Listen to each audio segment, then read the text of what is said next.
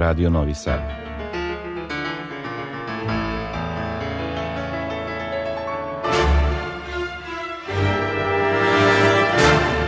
Domaća muzička scena.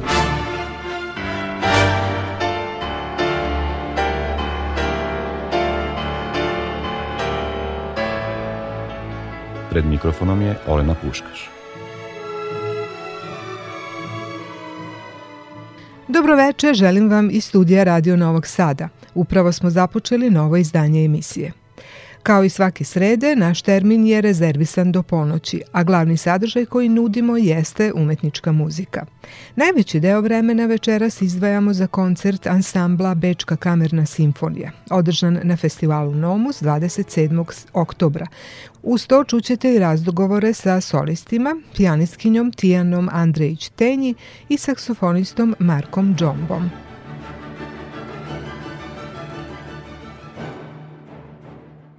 Pre toga želim da vam skrenem pažnju na nekoliko aktuelnih informacija. Prva je vezana za najuspešniju mladu umetnicu u 2020. prema odluci Udruženja muzičkih umetnika Srbije. To je Ana Torbica, koja je od samog početka profesionalnu karijeru usmerila na dva paralelna koloseka, studirajući violinu i solo pevanje. Potom je svoje interesovanja usmerila na epohu rane i barokne muzike, usavršavajući se na master akademskim studijama barokne viole i pevanja na odseku za istorijsku interpretaciju Kraljevske muzičke akademije u Londonu. Novosadska publika imala je priliku više puta da je čuje uz ansambl Predraga Goste, New Trinity Barok, a ove godine je na festivalu barokne muzike nastupila uz ansambl Muzika Antika Neoplantesis, pevajući ovu pesmu Johna Dowlanda.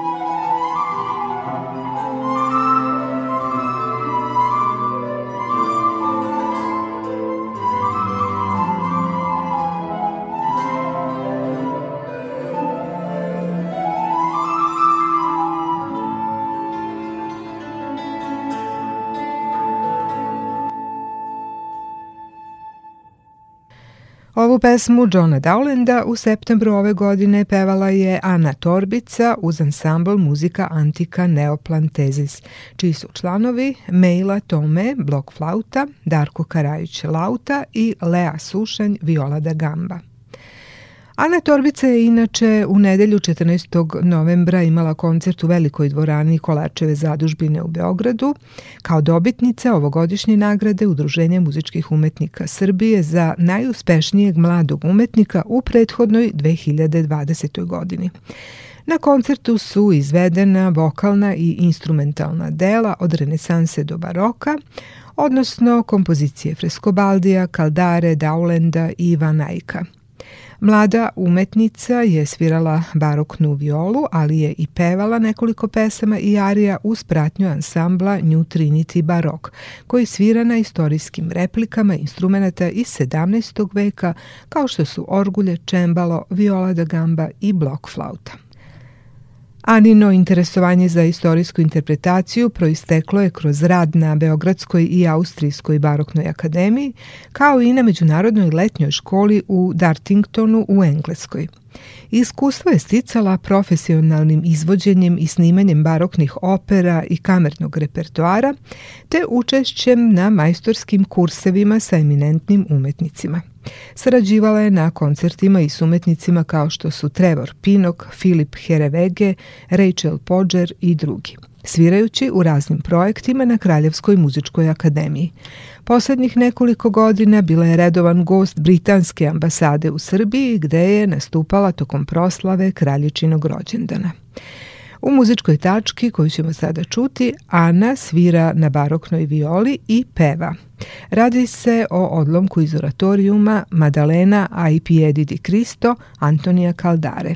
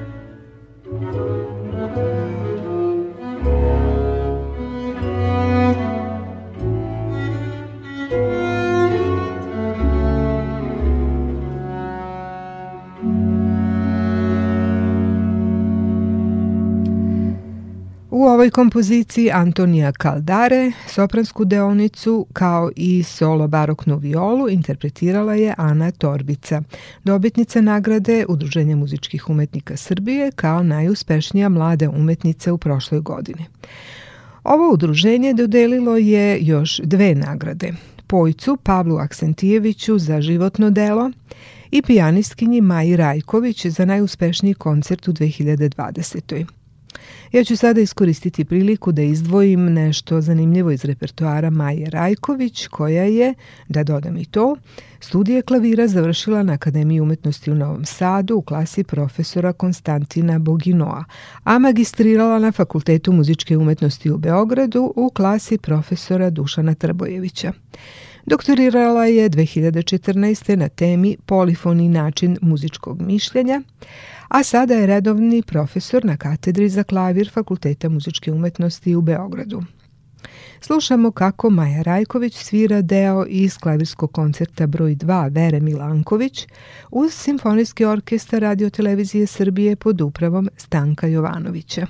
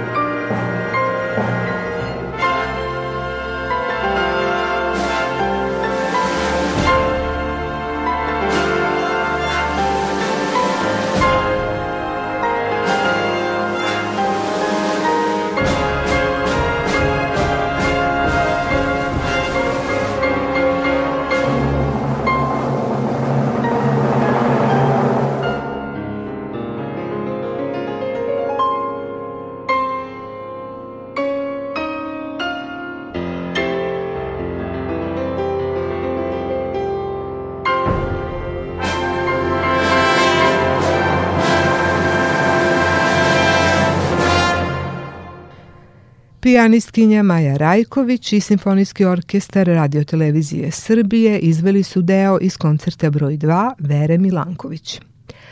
Ovo su talasi Radio Novog Sada, u toku je emisija Domaća muzička scena.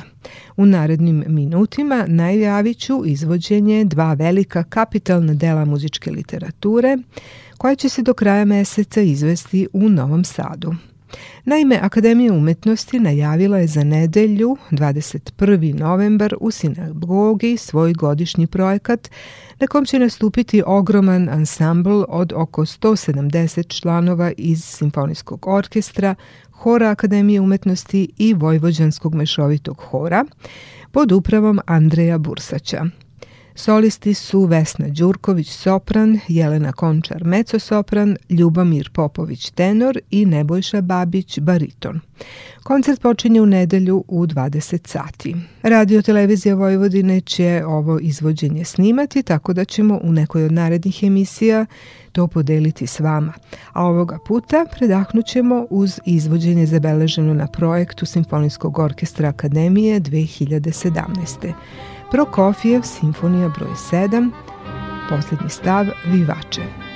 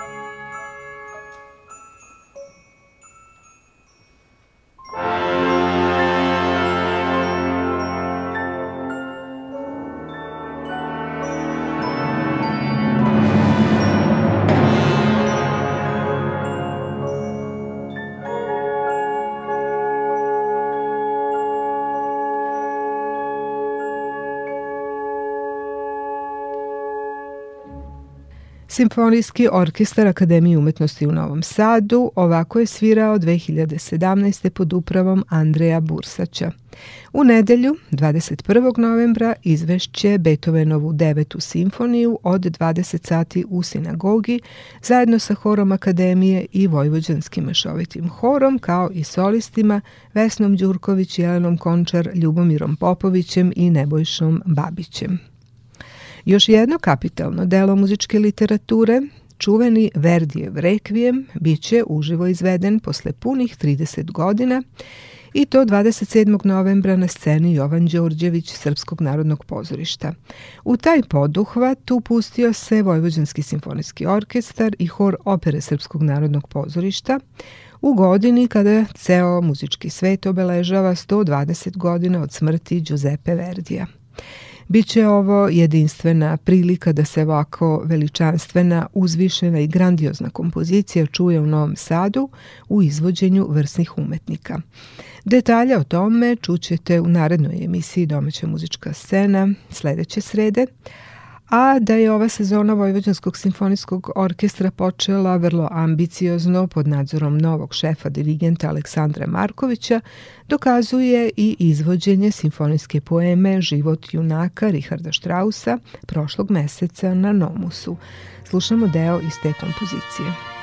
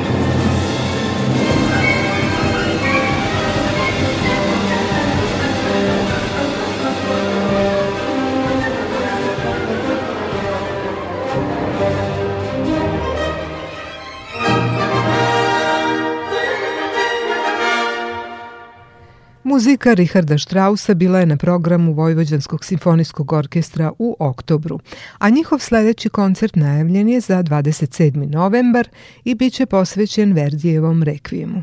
Karte za ovaj jedinstveni i veliki izvođački poduhvat već su u prodaji na blagajni Srpskog narodnog pozorišta. A sada prelazimo na drugi deo večerašnje emisije Domaća muzička scena u kom ćemo preslušati koncert Večke kamerne simfonije održan 27. oktobra na Nomusu. Osnovana 2006. u Mozartovoj godini, povodom 250. godišnjice kompozitorovog rođenja, Bečka kamerna simfonija je ciklusom koncerata u Španiji debitovala, dobivši reči hvale publike i kritike koje je njeno muziciranje opisala kao najbolja izvođenja tokom cele sezone posvećene Mozartu. Sabirajući i sledeći tada stečena iskustva, ansambl je realizovao i seriju projekata posvećenih kompozitorovim savremenicima. Tako su dve godine kasnije na muzičkom festivalu u Umbriji Bečki kamerni simfoničari nastupili s crossover programom koji spaja čisti bečki klasični stil s hip-hopom. Ansambl je brojno promenljiv i prilagodljiv, ali je u Novi Sad došao u petočlanom obliku gudačkog kvinteta. Prva tačka njihovog programa imala je naziv Portret u tri boje, Autor je Stefan Pelcl, koji je ovo delo 2012. posvetio Bečkoj kamernoj simfoniji.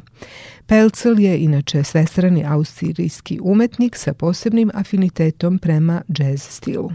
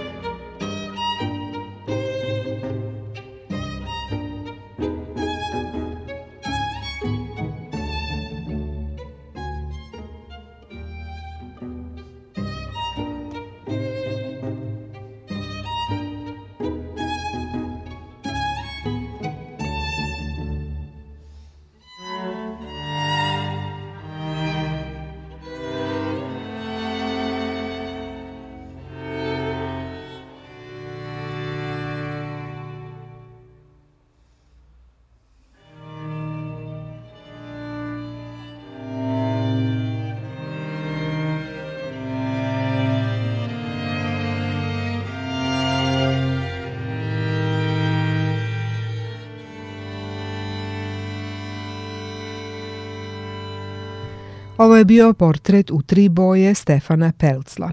Svirala je Bečka kamerna simfonija u sastavu Ana Morgulec violina, Jovana Raljić violina, Nebojša Bekčić viola, Sergio Mastro violončelo i Damjan Poze kontrabas. Kao prva solistkinja s njima je nastupila novosadska pijanistkinja Tijana Andrejić-Tenji, koja je o saradnji s ovim vrsnim sastavom i izboru Mozartovog koncerta koji je svirala rekla sledeće. E, ovaj e, sastav je specifičan po tome što stvarno puno različitih nacionalnosti svira i pričamo na probama na srpskom, italijanskom i na engleskom paralelno. E, tako da je jako interesantno ovo, ovo celo iskustvo. E, ja sam svirala ovaj koncert sa orkestrima mnogo puta, a svirala sam ga i u ovom aranžmanu za e, gudački kvintet, tako da mi nije ni ovo prvi put da ga izvodim u, u, u tom sastavu. Jako je specifično, zato što naravno da taj orkestarski volumen prosto izostaje, ali je e, jako dobro urađen taj aranžman, tako da sve je prisutno i ja zaista imam na sceni osjećaj da, da me prati onako ceo orkestar. Ja ne mogu da sviram to kao e, što bi ga svirala sa orkestrom, upravo iz tog razloga što to nije taj volumen. Znači, moram da se prilagodim da, da to ipak bude kamerna muzika na neki način. Jako je čudno, zato što ja tu jesam solista i sviram koncert za klavir i orkestar, ali ne sa orkestrom. Tako da istovremeno e, moram da pokažem jednu hrabrost koju, koja se podrazumeva, ali isto tako da se zvukom prilagodim tom e, kamernom ansamblu koji me prati.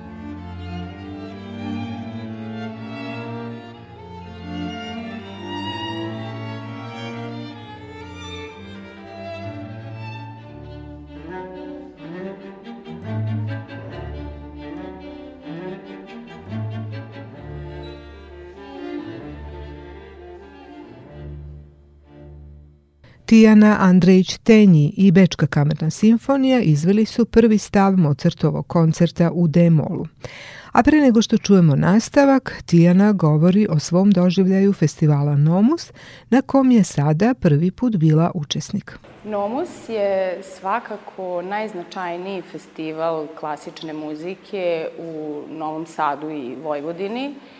I ja ga pratim od malena, pošto sam stasavala ovde, školovala sam se ovde i to je uvek jedan praznik klasične muzike koji vrlo rado posećujem. E, ove godine sam prvi put na njemu ulozi izvođača, tako, ću, tako da ću ga pratiti sa one strane e, bine.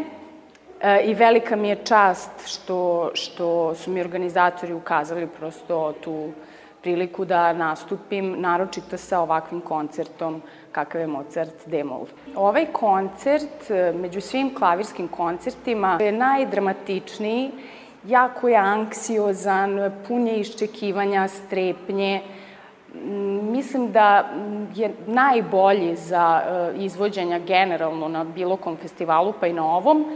E, ja sam svirala puno Mozartovih koncerata, ali smo na kraju se zajednički opredelili da to bude ipak e, D-mol iz malo pre pomenutih razloga. Kroz Tijanin nastup prožimale su se obe teme ovogodišnjeg Nomusa i Mozart, čiju je muziku svirala, i migracije kao stalne promene i mešanje kultura, budući da je i ona, poput većine umetnika, boravila, usavršavala se i nastupala u mnogo različitih zemalja.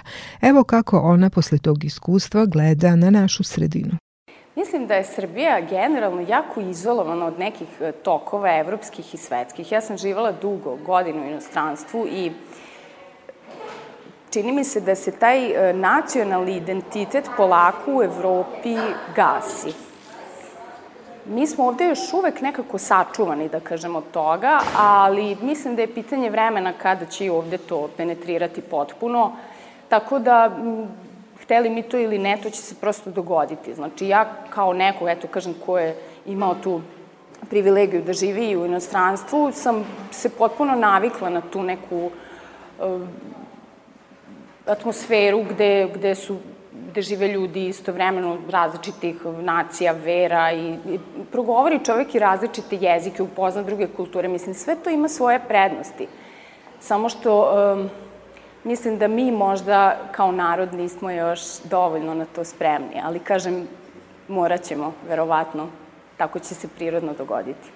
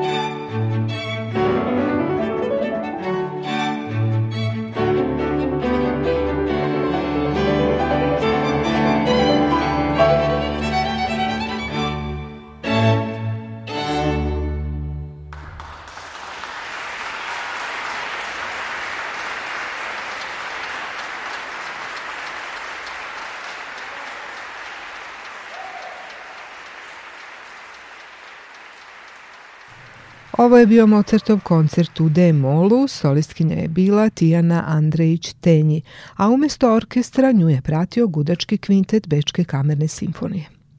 Drugi solista te večeri bio je Marko Džomba, novosađanin koji od svoje 18. godine živi u Beču.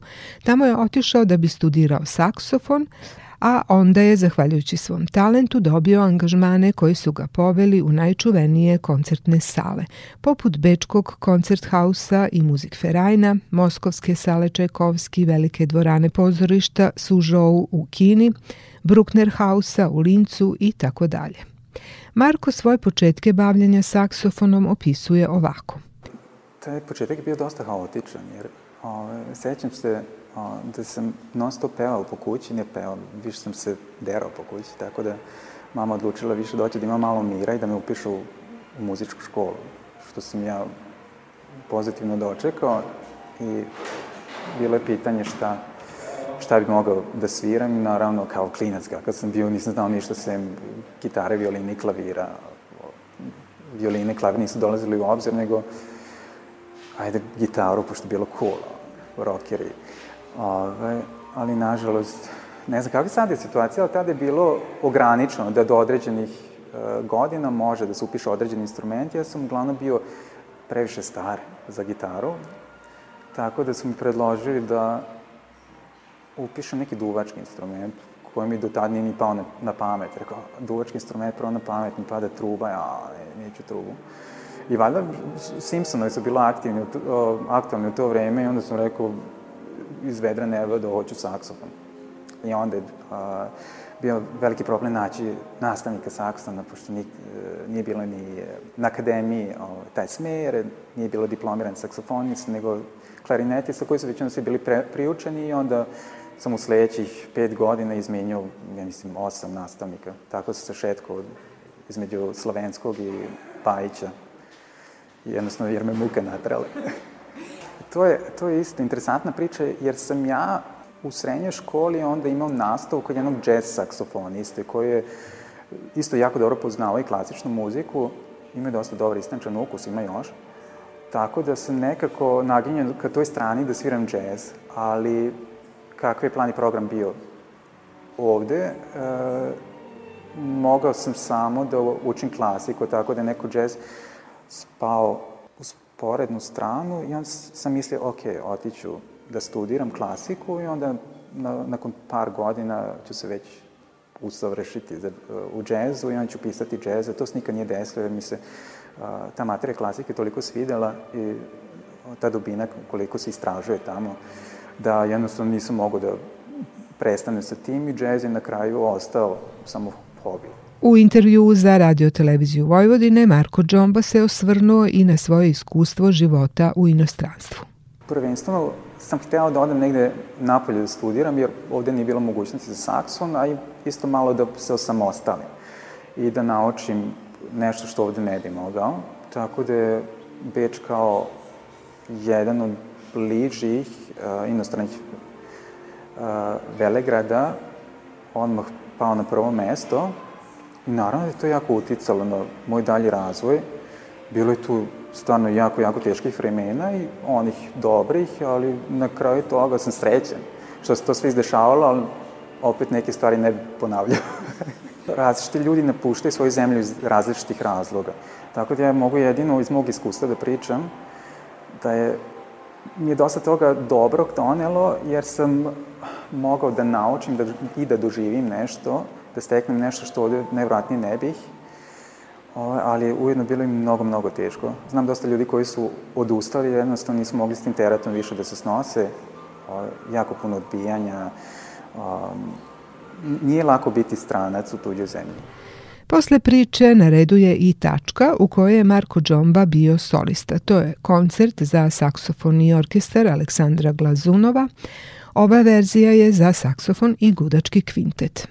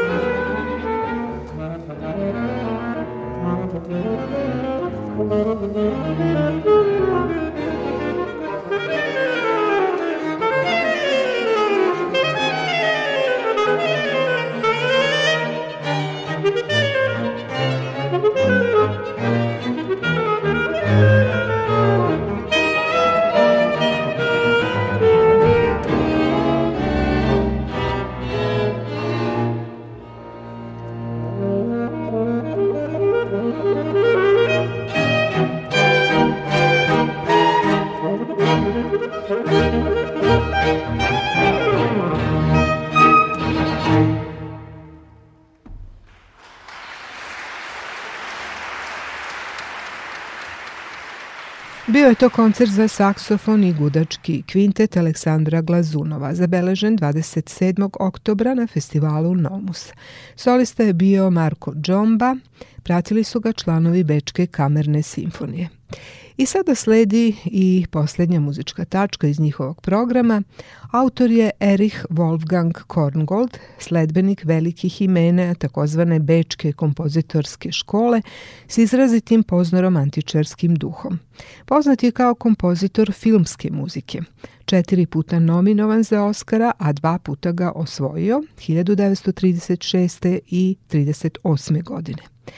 Pred drugi svetski rat napustio je Austriju i emigrirao u Ameriku, gde je postao jedan od najuticajnijih muzičkih stvaralaca Hollywooda. Sam je govorio da je svoje partiture apsolutne muzike zamišljao kao opere bez pevanja.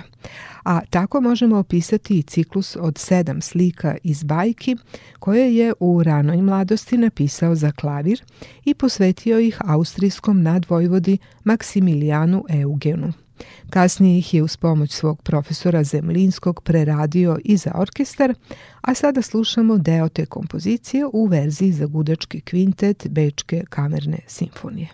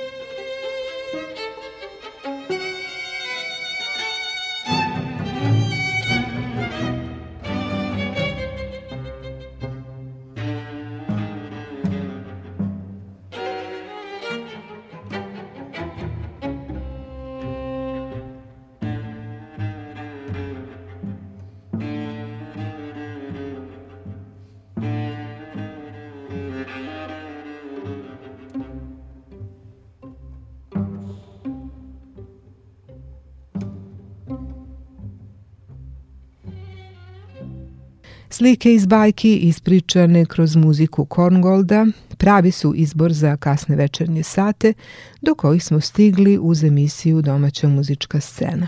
Ovo je bio snimak načinjen na Nomusu na koncertu Bečke kamerne simfonije, a sada je vreme da se pozdravimo. Ton majstor je bio Dalibor Vidović, moje ime je Olena Puškaš.